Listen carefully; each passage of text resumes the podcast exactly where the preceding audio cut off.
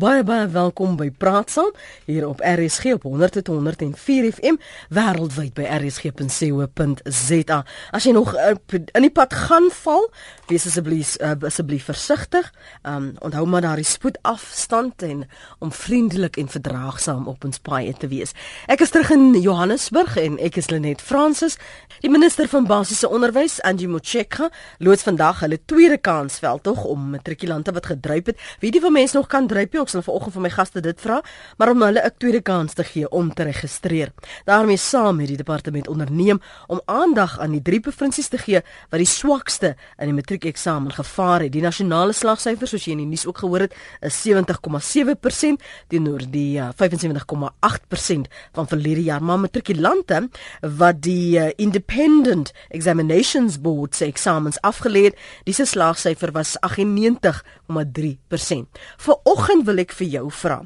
Kan ons die kwaliteit van matrikulante wat privaat skole bywoon en openbare skole uh, oplewer, kan ons dit vergelyk? Verseker meer betaal, beter uitslaa, gehalte onderwys. As jy die skuif of die oorskakeling gemaak het na 'n privaat skool vir jou kinders se onderrig, wat is jou ervaring? sien jy dit in die resultate? 0891104553 praat ver oggend saam. My gaste is professor Elda de Waal, sy is professor in onderwysreg aan die Vaal Driehoek van Noordwes Universiteit. Môre Elda, welkom, welkom by 2016. Hallo, ja, en Lenet vir my Lenet. Baie dankie vir jou ook 'n mooi jaar, hoor. Dankie, dankie, dankie. Ilana Nel is 'n senior bestuurder by die Independent Examinations Board. Vroeg in die jaar sluit sy by my aan hier in die ateljee. Môre Ilana. Môre Lenet, dis heerlik om hier te wees. Baie dankie ook vir jou tyd kom ek kom ek gee vir jou kans Ila uh, uh, eerste Elda. Onthou Ilana sit ook hierso en wag ook vir 'n speer môre Elda. Elda jou jou opinie van die afname in die in slaagpersentasie van jaar teenoor verlede jaar. Vinnig jou kommentaar daaroor en dan gaan ek vir Ilana ook 'n kans gee. Daar was nie 'n kans dat dit nie moes uh, mm. val nie. As mens gekyk het na al die getalle kinders wat deurgehelp is of vorentoe gestoot is om hulle dan nou nog 'n kans te gee om wel te presteer in matriek dan was dit vooraf gegee dat die dat die syfer moes val. Ek steur my nie baie daaraan dat dit 5 punt iets geval het nie. Ek steur my wel daaraan dat die minister gesê het die leerders wat so bevorder is nadat hulle ten minste twee keer gedryf het, they did not have a substantive contribution to the pass rate. Daar het sy vir my alself vasgeverf in die hoek hmm. want dit wil impliseer dat die onderwysgehalte dus agteruit gegaan het. Dis my vinnige eerste hmm. mening. Van jou kant Ilana? Ja net ek dink dit is belangrik dat wat wel genoem is in die uitslae dat mens fokus op daai positiewe um aspekte, maar ek dink ook, ek dink nie daar's regtig daai eerlikheid oor wat regtig die probleme is nie. Wat is die wortel van die probleme en of dit regtig openbaar gaan word nie. Mm. Maar ek dink mens moet tog positief op die positiewe fokus. Ek kan ons op baie punt net sê my irritasie ook terwyl ek ry van Afrika op Johannesburg toe en ons luister na die uitsending op RSG. Ek kon nie verstaan waarom en dalk is dit 'n persoonlike persepsie die minister opgewonde geklink het oor die daling nie. Mm. Ek ek het net nie ek was gefrustreerd want ek het ook gevoel daar's nie eerlikheid dat ons sê aksie. Hoe lank weet ons nie al Elda praat ons al oor wat die probleme is nie. En as ons sê ons het verwag dat daar 'n daling gaan wees, Hengman, hoekom het ons iets omtrent dit gedoen nie? Ja. Die as ek mag antwoord hierso wat my regtig regtig opgeval het is dat sy half met 'n tevredenheid te kenne gegee dat die drie provinsies wat swakker gepresteer het, ongelukkig minder hulpbronne gehad het. Uh, dit het nie verlede jaar gebeur nie. Daarvan het sy reeds geweet. Ek sou graag die berigte wou gelees het einde 2014 en opgevolg uh, einde 2013 opgevolg in 2014 van watter pogings was aangewend om juist die Oos-Kaap, KwaZulu-Natal en Limpopo by te staan met selfs beter hulpbronne as al die ander provinsies. Dus ja, daar waar ons geweet het is hulp dringend nodig. Daar het ons as onderwys onderwysdepartement nie die hand uitgesteek en die reg tot basiese onderwys bevorder nie. Mm. Ek wil vanoggend spesifiek 'n uh, vergelyking tref waar ons wel kan en vir ons luisteraars die geleentheid gee om saam te praat. Veral as jou kind in 'n openbare skool was en jy gevoel het my kind het net 'n beter uh, kans om maar of na 'n onafhanklike of 'n privaat skool te gaan en ek of daar werklik 'n 'n verbetering was of die geld wat jy spandeer of jy waarde vir daardie geld kry. Maar ek wil net gou vir jou vir, vir die luisteraars se onthaalwe vra, verduidelik hierdie progressives wat dit beteken en of 'n mens nog kan druip Elda. Mens kan dit teoreties gesproke druip. Dis nou 'n gevaarlike ding seker om te sê, maar die skole waar dit beweeg, voel dit vir my dat daar wel vir jou gesê word watter tipe student mag druip en watter tipe student met begrip en dan daardie die term waarvan ek al hoe minder hou the fact that we have now the the, the human culture tendency and striding towards allowing everybody's human rights to to come to the fore daai neiging wat ons het lyk dit asof skole gelei word aan watter soort leerling wel nog mag dryf. Ja daar is studente of leerders ekskuus wat dryf maar dit is die beheer wat daar uitgeoefen word wat vir skole half maak dat hulle daaroor lag. Hulle wil nie is eintlik meer die dryfstate korrek invul nie. Hulle wil byvoorbeeld al maar so lank aanpassings maak want wie wil nou elke keer van die distrikkantoor af terugkom liggies oor die vingers getik omdat jy nog 84 leerders moet deurhelp. So dis halfe dis 'n wrede kringloop net. Tog wil ek sê mense moet begrip hê. Die minister het 'n jaar of wat gelede gesê dit was 'n fout om met die druiper met die retention proses te werk soos hy wel gewerk het. Sy het verskoning gevra daarvoor. Nou sit daar leerders in die stelsel mm. wat op daardie basis eers beland het.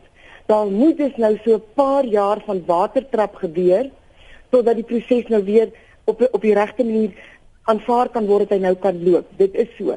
Wat my pla is dat sy nie ingrypend met haar strategie gekom het om vir ons almal te bewys dat sy doen wat sy kan om hierdie ding reg te rit nie sy daar's nog half onder die departement daai neiging van die volstruis wat mm. sy kop in die sand druk beweerlik. Ek weet nie of dit 'n mite is nie.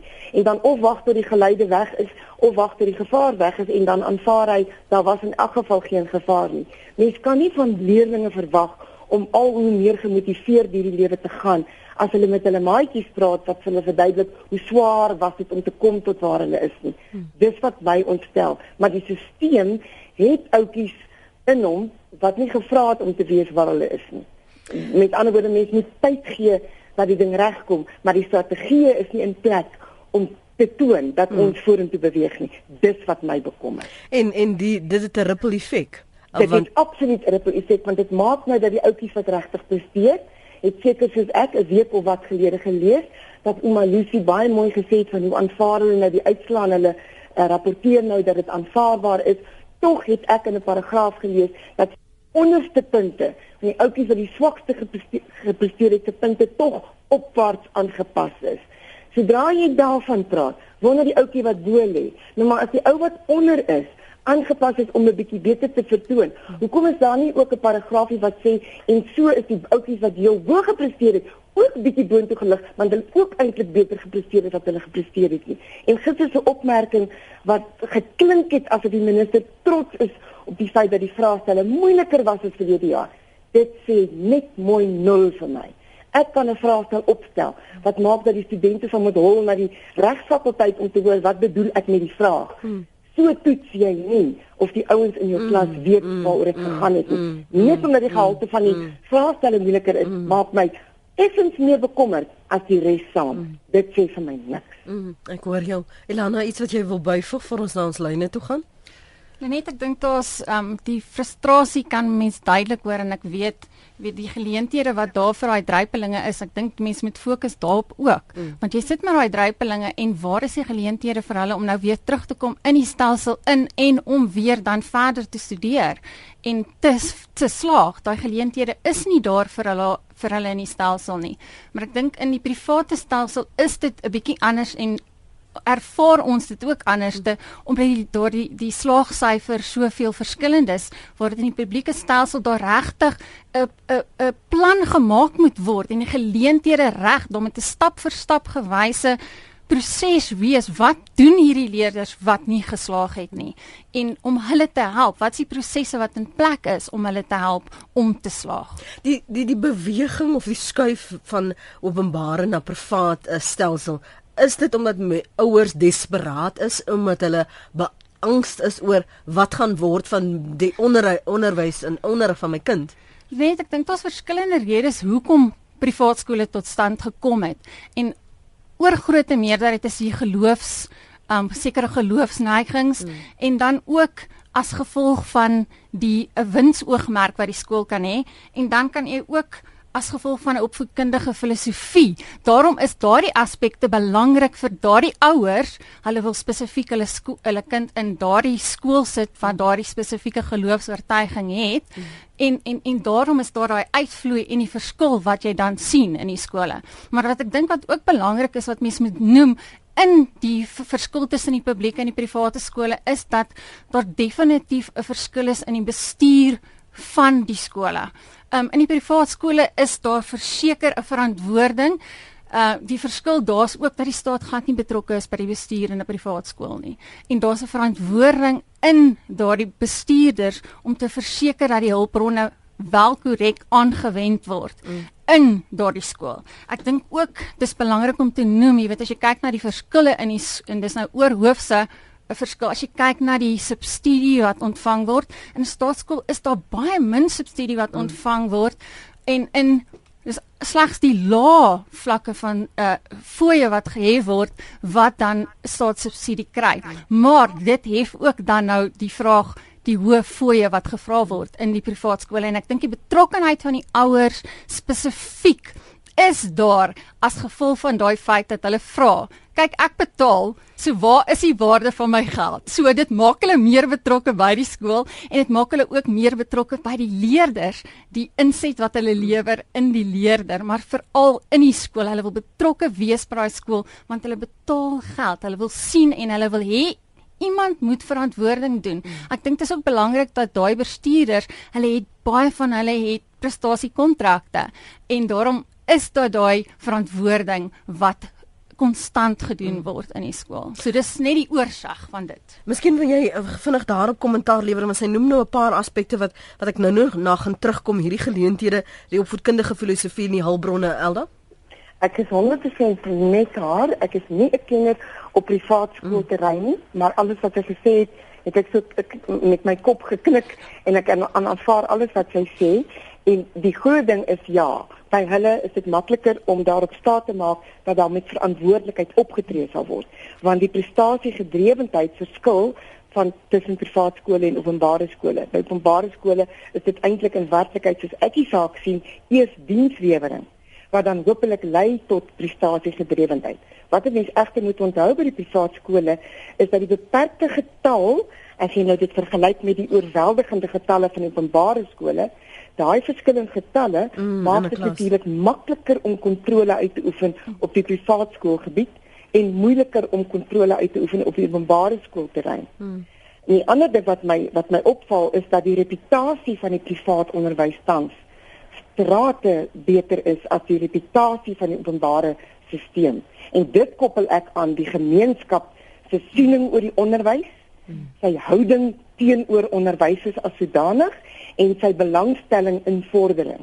Dit is vir my soos sy sê dat die privaat skole se gemeenskap se belangstelling in die vordering van hulle skole voelbaar is. Dit is sigbaar, dit is hoorbaar as jy erns sien hoe die kinders op en op en af van busse klim maar hulle aktiwiteite bywoon. Hmm. Waar dit half afwesig is by openbare skole toegegee wat mense nie moet vergeet nie is die geldelike aspek hmm. wat maak dat die privaat skool hom op wins kan uh, fokus en die openbare skool veronderstel is om geen wins te toon teoreties gesproke nou nie. Sê hy moet in die rooi wees nie, maar hy veronderstel om wins op wins jag te maak nie. Daardie gebrek aan geld maak dat die openbare skoolstelsel minder rond kan speel om kundigheid en vaardigheid in te koop. En ek dis waar waar die speelveld dan vir my ongelyk word. Ons jaag dieselfde grondwet na en ons ons het dieselfde skolewet, maar die bestuur en hanteer van skoolsake elke dag, daai verskil is so groot dat uiteindelik dit half jammer is dat 'n mens wel die vergelyking moet tref. En 'n mens moet, ek stem saam, maar dis half jammer want die ouetjies openbare skoolterrein is net in 'n baie groter pool met baie ander soorte gevisse as die ouetjies in die private stelsel. Ons wil ons luisteraars die geleentheid gee om saam te praat vanoggend veral as ons daardie vergelyking tref die kwaliteit van matrikulante wat in privaat skole is en in openbare skole.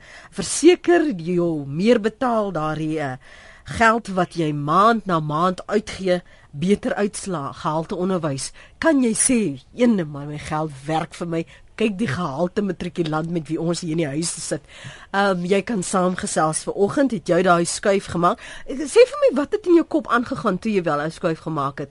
Ehm um, baie van die luisteraars skryf hierson oud onderwyseres sê die wortel van die kwaad is te groot klasse onderwysers nie in die klas nie. Ouers met te veel kinders wat nie ondersteuning gee nie. Wat was die oorwegings vir jou dat jy bereid was om meer te betaal aan daardie tipe onderrig dalk kleiner klasse? Ek weet nie wat um, jou omgewing in en sake was nie maar praat gerus saam. Jy kan vir my 'n SMS stuur na 34024 of bel 089 1104 553 praat vanoggend met Elda of met uh, Ilana oor wat jou redes vir die skuif was. Elda de Waal, dit is soos ek jou onthou, skryf die luisteraar, slaan die spyker op die kop met jou onderwyskinders. Die LER kan jou mag gerus optrek boontoe vir 'n reg ruk aksie. Ek ek sal dit eh, daardie getuigskrif vir jou onderteken, hoor jy Elda? Kom ons hoor wat sê ons luisteraars op die lyn. Dankie vir die bel vanoggend, Koos môre. Uh, môre net, ja, ek het lanklaas met jou gepraat. Mm. Koosie van Maagheid. Ja, Koos. Ja, ek was self in die onderwys betrokke. Mhm. Mm uh ek praat van ervaring. Ek was dan ten minste 'n uh, inspekteur van onderwys. Ja. Jare terug. Uh dis logika dat uh jou privaat skole baie beter toegerus is want jy betaal 'n aansienlike bedrag en die klasse is nie hierdie lompe groot klasse nie. Mm. En daarin is bekwame uiters bekwame onderwyspersoneel. Nie mense wat 'n kwalifikasie het van standaard 10 byvoorbeeld nie. Mhm. Mm so jy kan in elk geval die twee glad nie vergelyk nie, so appels en pere wie jy nie kan vergelyk nie. In jou landelike gebied weet ons wat die situasie is. Klasse is oorvol. Uh staatskole en so voort. Dan natuurlik dissipline het verval totaal. Ek stem nie saam met hierdie deursit of wat noem hulle dit progress. Progressives. Progressives. Mm. Dan oor die kind weet nou al klaar. Hy kan twee keer dop hier in graad 11. Hy hoef nie te leer nie. Hy gaan graad 12 skryf. Mm. Dis 'n absolute absurde ding wat ek nie kan glo dat 'n minister nou nogal trots is daarop hoeveel van hulle geslaag het nie. Ja. Die laaste ding is dis verbaas dat iemand na wie personeel, een van jou gaste verwys na leerlinge wat leerders is as studente. Die aanva die aanvaarbare benaming is leerders of learners. 'n Student is aan 'n tersiêre Ja, ek dink sy het haarself reggestel in daardie opsig. Koos, dankie vir vir daardie oproep. Uh, Koos daar van Market wat praat van sy uh, vanuit sy ervaringsveld. Dankie dat jy teruggebel het, Joan. Jy's daar op Nysna môre. Uh, Goeiemôre Lenet en uh, jou gaste. Uh, twee punte wat ek graag wil maak. Eerstens my eie dogter, sy was beide in 'n goeie publieke skool, openbare skool, sowel as in 'n privaat skool. En ek wil regtig sê dat by 'n goeie skool, uh, openbare skool, waar daar dissipline, skool, personeel en ouers saamwerk, ongeag grootte, is daar nog dikwels hoë en uitstekende onderwys. Daai is regtig moet duidelik gesê word. Dit gaan oor handhawing van reëls. As die skool half 8 begin, is die skool se hekke half 8 al toe. Ja. Die kinders drempel nie nog 9 uur in onderwys net daarna. Ek werk ook in omgewings waar ek elke dag verby ander skole ry en ook uh, motiveringspraatjies en dinge doen waar dit wel gebeur dat 9 uur as ek nog op pad is, dan loop daar nog die enkele honderde kinders nog skool toe. En die hekke word nie gesluit en die skool word sy personeel en die ouers staan nie saam om hierdie gehalte onderwys. So wat publiek uh uh teenoor uh, privaat onderwys kan daar 'n baie hoë standaard wees as almal saamtrek. En dan as jy my sal gun dat jy dit ook so bietjie onderweg ander punte uh bespreek. Ek voel dat 'n goeie um uh, graad 10 uh ou standaard ag matriek verlate sertifikaat soos in die Britse skoolstelsel waar hulle ou level het en en 'n 'n um general certificate of education gehad het wat iemand bekwam ag om goed te lees, goed te skryf, basiese wiskunde te doen, is essensieel want ek dink die matriekuitslae word sleg benadeel omdat daar wel kinders is wat regtig nie uh, akademies altyd sterk is, maar wel in die ambagsrigting, in die hande uh, in in in in daai handevaardighede, oorvaardighede baie baie goed kan doen as hulle meer in die ambagslyne mm. na so graad 8 kan gaan. En ek dink hierdie obsessie dat almal matriek moet hê. Um as ook vir ons groot probleem. Mm. Joan, ek dink daar is dus, daar is uh, maatskaplike redes, daar is finansiële redes dat haar kinders uit die skool uit moet gaan. En soms ook van dele vir kyk op hulle talente. Ja. En dan sit hulle met absoluut niks, nie 'n stukkie papier wat kan wys dat hulle werklik 'n 'n tol of 'n pakker mm. of 'n ambag mm. kan mm. begin. Ja. En dit is 'n groot probleem. Want al het jy daai matrieksertifikaat beteken dit jy jy het werklik 'n vaardigheid nie, want jy kan nie net wanneer jy weet dat daar nie werk is nie, ehm um, jy kan nie net in 'n in 'n 'n job instap en sê, ah, "Hier is ek, hier is my vaardighede, kom ons benut dit of help my om te groei nie."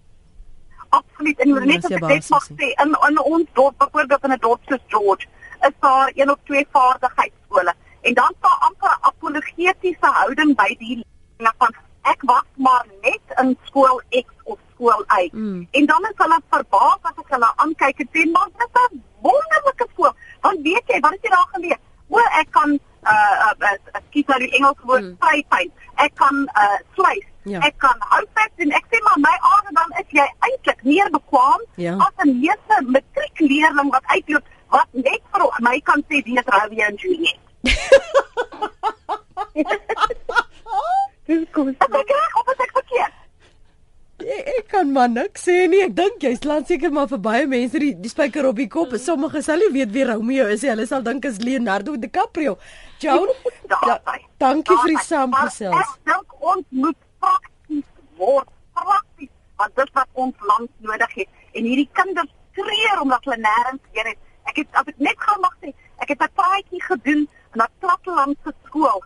Ek het al voor honderde mense in verskeie ouderdomsgroepe, laerskool, hoërskool, groot mense, ouer mense.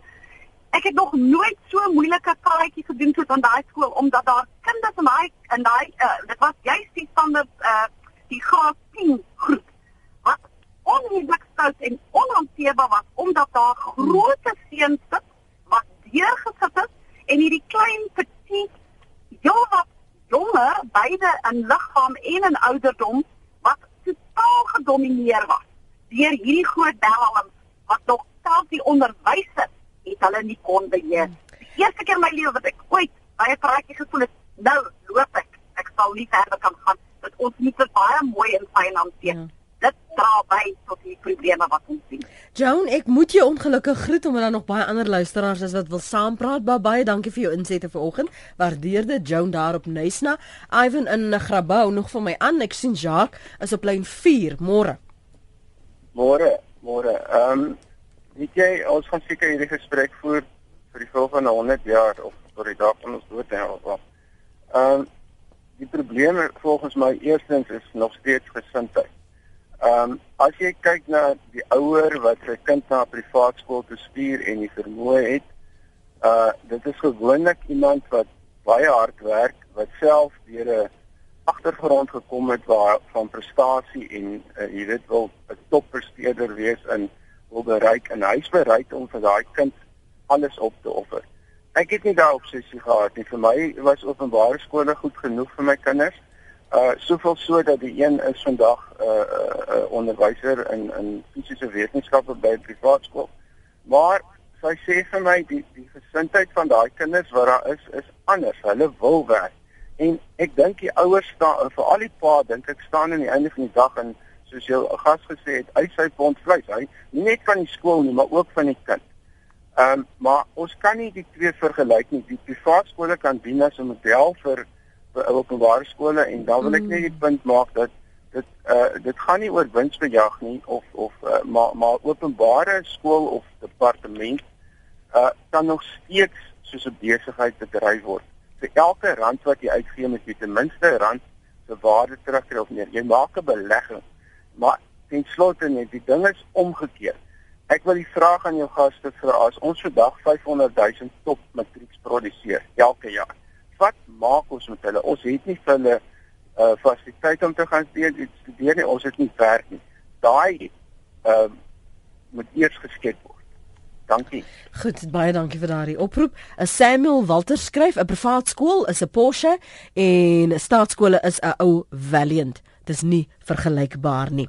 Uh my gaste sal dalk verskil of uh, saamstem. Ek gaan nou nog vir julle geleentheid gee om te reageer. 'n Paar punte wat al reeds gemaak is wat ons oor moet praat is die obsessie dat almal matriek moet hê wat Joan gemaak het en Jacques wat sê die privaat skole moet dien as 'n model vir 'n uh, openbare skole. Maar daar's nog luisteraars wat aanhou. Kan ek julle almal vra om net kort julle punte te maak sodat ons soveel moontlik nog ander gesprekspunte kan aanraak. Ivan, jy hou aan vir my op 3. Môre, kort en kragtig pragtig. Hallo, goeiemôre Lenet, goeiemôre luisteraars. Lenet, ek wil net graag sê onderwys is 'n basiese reg, dit is 'n konstitusionele reg. Die enigste bekommernis Lenet wat ek het is dat as ons wil vergelykings dan moet ons kyk na die onderwysstelsel in sy geheel. Kyk na die omstandighede waar ons onderwysers uh, opleiding gee Ehm um, ek het nou die dag met iemand in Elsie uh, onderwys in Elsie se rivier gepraat. Mm. Die, die die een kind het dan met uh, met 'n baksteen gegooi in die klas. Ehm um, dan die stakings wat plaasvind uh, by ons skole. Die enigste O, oh, sit jy daar verloor Ivan?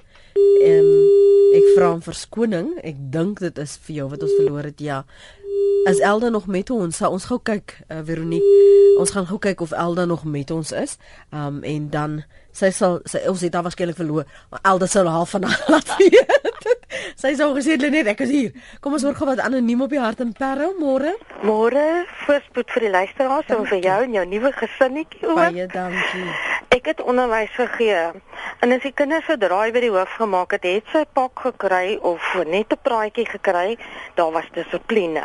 Nou deesdae, daar is nie dissipline nie, dis vir hulle 'n grap om kantoor toe te gaan. Nou kan ek net vir jou sê Lenet, ek werk blydingshof daar.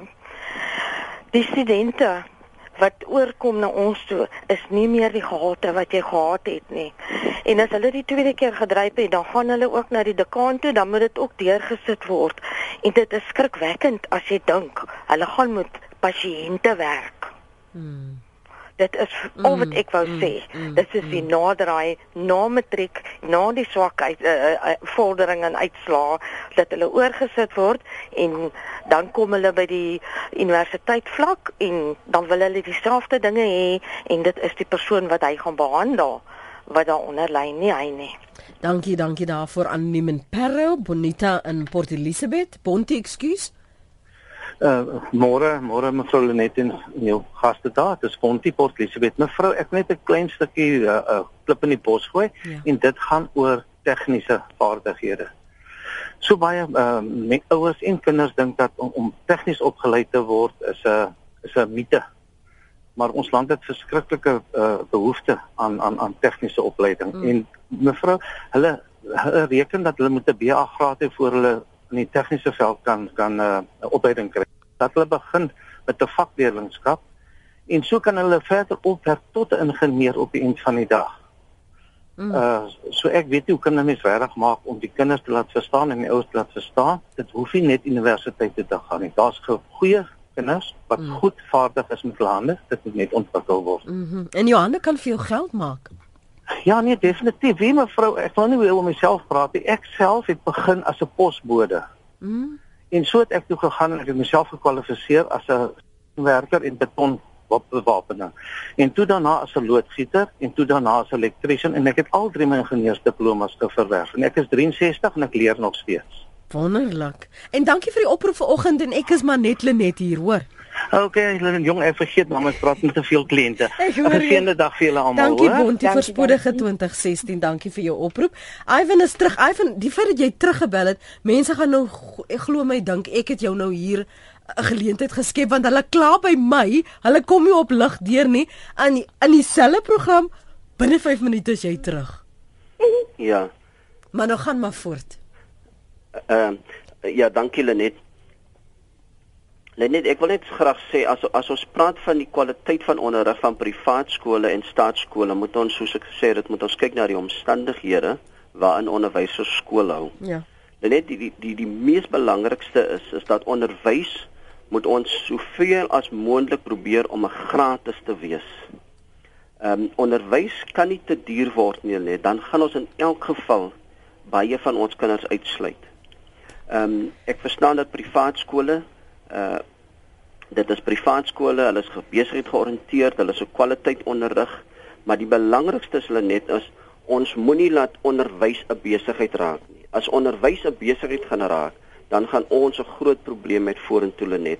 Ehm um, want soos ek sê is heidaglik die omstandighede waarin ons uh, onderwysers skool hou uh, is verskriklik net soos ek die voorbeeld gemaak het van die onderwyser wat met uh, die kind met die baksteen Ja, gegooi ja. was. So uh, as ons praat van die tipe van kwaliteit onderwys, dan het die staat dit is 'n konstitusionele reg net. Ehm um, dat elke persoon het uh, die reg tot opvoeding in sy taal van sy keuse. Dit is 'n dit is in die konstitusie, dit is 'n konstitusionele reg. Ehm um, en daarom moet ons baie versigtig wees soos ons vorentoe gaan hoe ons met onderwys uh, te te te doen of uh, te werk gaan. Ja. Want ons moet soveel as moontlik probeer om kwaliteit onderwys te gee, maar dit moet gratis wees hulle net. Dit moenie ons oral rig mense na privaat skole op. Maar aan die einde van die dag Lenet, die meeste groter meerder van ons kinders sal nog steeds nie na privaat skole toe kan gaan nie, want dit is nie die oplossing nie. Hmm. Die oplossing is ons moet ons onderwys heidaglik ons stelsel ons onderwysstelsel moet ons uh, verbeter net. Dankie vir die saamgesels uh, Ivan daar op Grabouw. Die ander ander kant wat wat wat soms die aanname gemaak word uh, Elda is dat mense wat hulle kinders na privaat skole stuur, het baie geld. Ek weet van baie mense wat liewer sonder so baie luksus of broodnodighede sal sal kwytskel omdat hulle net wil hê die kind moet ten minste goed doen en hulle sal hy geld betaal. As dit beteken ek kan nie ehm um, gaan vakansie hou nie of daar is nou net die uh, kos of, of wat ook al nie, my kind moet eers te kom. Ja, weer eens wil ek julle net herinner net dat ek myself glad nou nie as kundig op die vaatskoolterrein Ja. wil uitgee nie, maar het wel 'n familielid of twee wat daardie proses gevolg het om in daai in daai pipeline te beland. Ek wil daarom versigtig net sê uh as ma van drie kinders sou ek nie sommer my kind by 'n privaat skool ingeskryf het teen daai koste as dit vir my gebleik het dat die vermoë van die kind nie regtig dit soort van toelaat nie. Die die tipe ouer wat dit oorweeg om die kind na 'n privaat skool toe te stuur, het die vermoë om bietjie te diferensieer tussen watter is nou die aangewese pad, watter is die die makliker positiewer pad, skuis nie makliker nie, die positiewer pad met die beter reputasie en watter is die moeiliker pad met die swakker reputasie. Om daai onderskeid te kan tref, sou jy nie die pad van die privaat skool kies as jy dan weet jou ouetjie se vermoë is om briljant in graad 10 te presteer nie. So mens moet nie daai daai ding uit die verhouding uithaal nie. Jy jy gaan jou diskresie gebruik voor jy jou kind teen daai prys by 'n skool inskryf en dan verwag dat die skool ook sommer die intelligensie vermoë van die kind moet lig. Ja. daarmee saam wil ek daarom sê vir 'n leerling om die wil te hê om te leer. Soos ek die saak sien, moet hy weet waaroor gaan lees en moet hy weet hoe om te leer. Ja. Elke vak het nou maar sy eie manier van leer. Jy kry jou uitskieters soos 'n Einstein en 'n Mozart. Praat glad nie van hulle nie. Maar elke vak het 'n ander benadering wat dit eenvoudiger sal maak vir die kind om te verstaan hoe om hierdie vakinhoud te bemeester. Maar om die wil te kan hê om te leer En hoe om te leer, moet jy weet waaroor gaan lees. Ek het nou die dag 'n vorm ingevul en toe lag ek maar kliphard vir myself teenoor die beampte aan die ander kant van die tafel en toe sê ek maar hardop, "Yes, if only Elda could read better." Lees jy nie sommer net iets van daan sit op die boom en Sissy is onder die tafel en Piet gee die, die water aan nie. Jy moet die kind kan lei om te verstaan waar die leidraad in die vraag. Hmm. En die onderwyser moet waak teen ja en nee antwoorde. Hmm. As ek vir 40 ouppies van wat almal elders se vermoë het gaan vra, verstaan jy die wiskunde? Gaan ons tipies almal sê ja, dankie juffrou. Jy moet oppas vir ja en nee vrae. Jou vraagstelling wat jy van 'n onderwyser verwag, is nie so eenvoudig nie. Dan moet jy moet onthou, skoolhou is nie maklik nie. Ek het self vir 15 jaar lank skool gehou. Ek het elke oomblik daarvan geniet, maar ek moes nie net my vak ken nie. Ek moes 'n voorbeeld stel in my gedrag na skool. En Sondag en Saterdag waar ook al. Ek moet hulp verleen as die kind nie weet wat om met sy met sy meisie of sy kerel te, te doen op sportgebied. Ek moet die penaar van my vereis dat ek kan doen wat ek kan. Op kultuurgebied wou ek graag deelneem. Dit is abnormaal om 30 leerders in 'n klaskamer te beheer. Ja. Daar's 'n beroemde hofsaak waarvan ek die naam vergeet het waar die regter letterlik gesê het it is not normal to have to manage die children. Daarmee saam moet ek in openbare onderwys veral as onderwyser daarop let dat ek my menings altyd grondwetlik hou. So as 'n ou as 'n lewens my sinnig vertel van jou oupa Piet was 'n idioot, kan ek nie sê man gaan bars nie, want dan tree ek ongrondwetlik op. Dit is nie eenvoudig om skool te hou nie en daarom net bepleit ek 'n stewige netwerk tussen die hoof en sy onderwysers. Aldak, ekskuus, jammer om jou te onderbreek. Hy kan nie soos 'n autokraat vandag so ja. sê en môre anders praat nie kan ek gou op daai punt in gemotiveerde onnieskryf wat kinders kan liefmaak vir hulle vakke. So dis die, die ding het drie bene. Ja, hou net so vas. Oukies moet kan leer, Alda, maar dan moet hulle weet hoe. Ek ek wil gou jammer om jou te onderbreek. Nee, jy jy praat van van die die bestuur en die samewerking. Um een van die luisteraars, ek dink dit was Jacques wat gesê het dat privaat skole moet dien as 'n model. Is daar nie 'n manier hoe jy jy kry so dikwels hierdie twinning stelsel waar privaat skole en openbare skole hande kan vat waar waar jy nie noodwendig altyd die hulpbronne nie, maar die geleenthede of die wyse die bestuursvermoëns, die blootstelling kan hê wat daardie soort groter samewerking kan plaasvind nie. Wel dit sou ideaal wees, komma, maar privaat skole se verantwoordelikheid is op so 'n hoër vlak dat dit nie eintlik haalbaar is in die algemeen om te dink dat privaat skole met openbare skole so moet aanhaak nie omdat die verantwoordbaarheid so verskriklik verskil. Dit is ideaal, maar ek sou eerder bepleit dat hulle dit slim met alle partye bepraat, met al die beheerliggaamstrukture, met al die vakbonde wat op die relevante vlak insette moet hê, nie op ander vlakke nie. Dan praat oor so kom ek hak arms in met jou, maar ek ja. ek kan nie sien dat dit haalbaar is tussen privaat skole en openbare skole in die algemeen. Mm -hmm. Ek kan uitskiet voorbeelde wees waar dit kan werk, maar uiteindelik sal dink ek as ek hoof is van die openbare skool, sal ek sê maar kan jy nie net 10% van jou geld na my kan kanaliseer nie. En, en dan gaan dit 'n stryd raak, dink ek, maar maar ek gee weer toe, ek is nie kundig op privaat ja. skoolterrein nie. Dis net maar hoe ek dit ervaar van die van die kant af. Mm. Maar dat konsekwente bestuurstyl oor die algemeen afwesig is in openbare onderwys het ek het ek in 2015 mm. aan my bas gevoel. Ja. Ek skoolhoof wat self soos 'n soos 'n bullhond in my wou blaf dat ek letterlik moes sê verskoon my meneer. As jy dink ek is een van die onderwysers, dan herinner ek jou ek is nie en indien jy dit doen met jou onderwysers, wil ek maar net vir jou sê, nou tree jy heeltemal teen die skole wet op. So ons soek 'n konsekwente bestuurstyl. Onderwysers moet weet die hoof is daar vir my. Ja. En as die onie dan verkeerd optree, moet hy weet wow. Ja. Nou is ek verkeerd. Nou is die hoof my liggies oor ja. die vingers tik. Maar onderwysers moet nie vandag wonder geld nou gister of geld môre of hoe gaan dit mm. nou op die skool nie. Hou net so vas. Mooi nie. Ja. Hou net so vas vir my Elda. Kom ek vra gou vir jou Ilana uh, op baie punt van samewerking. Um wat kan uitgeruil word?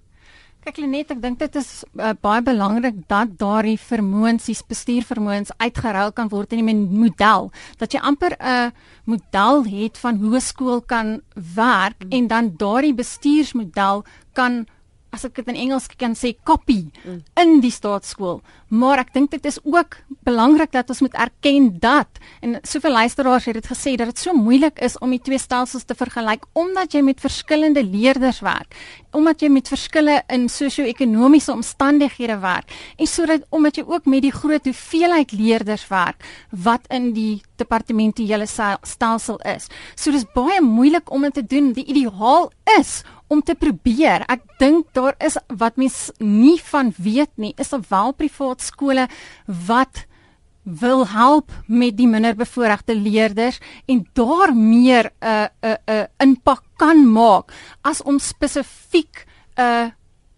leiding in bestuur of in die bestuur van die skool mm. kan gee vir um die bestuur van daardie skool. Ek dink wat ook belangrik is is in terme van die opleiding van die onderwysers wat reeds genoem is. Ek dink daar kan die privaat sektor definitief ook 'n rol speel om te help en innoverend te wees in terme van die nuwe uh, metodes van assessering en wat mens 'n vraag kan op 'n ander manier kan stel. Ek dink daar kan mens definitief um die leiding gee in terme van die opleiding van die onderwysers. Ivan en van die ander luisteraars het hierdie punt gemaak dat um, ons moet nie ons moet waak daarteenoor dat ons obsessie het dat almal moet matriek hê. En uh, Ivan het gepraat, ek dink het daai kom 'n kommentaar gelewer dat onderwys moet nie 'n besigheid word nie. Um dat ons moet werk na 'n gratis onderwys, maar Daar's 'n paar goed wat wat ek oorwonder. As dit gratis is, beteken dit nie noodwendig jou die gehalte gaan beter wees nie. Ons gaan nog steeds met daardie uitdaging sit. En wat my bekommer is die feit dat ons nou verwys ver oggend weer eens na hierdie die die vir al die skole in die landelike gebiede. Skryf ons hulle nou net af. As jy ver oggend 'n ouer is en en jy het dit nie breed nie, maar jy wil jou kind die beste gee, jy wil kan jou kind beter gehalte onderwys gee. Is dit maar net 'n verlore verlore saak? Nee, dit is nie 'n verlore saak nie. Hou nie so vas. Nou, hou wou so nie so vas Helda. Ilana gou. Nee, nee, ek dink verseker is dit nie verlore saak vir daardie leerders nie. Daar is daardie geleenthede um vir daardie leerders om wel ook uh betrokke te wees, maar ek dink wat ook belangrik is dat die fokus op opvoedkunde moet wees van 'n skool, maar dat mens nie kan 'n uh, die skool bedryf sonder om seker te maak dat die as ek so kan sê die boeke balanseer vir daardie skool nie. Um maar die die die fokus moet steeds wees op die opvoedkunde van daardie van die leerders. Hmm. Elda, ekskuus.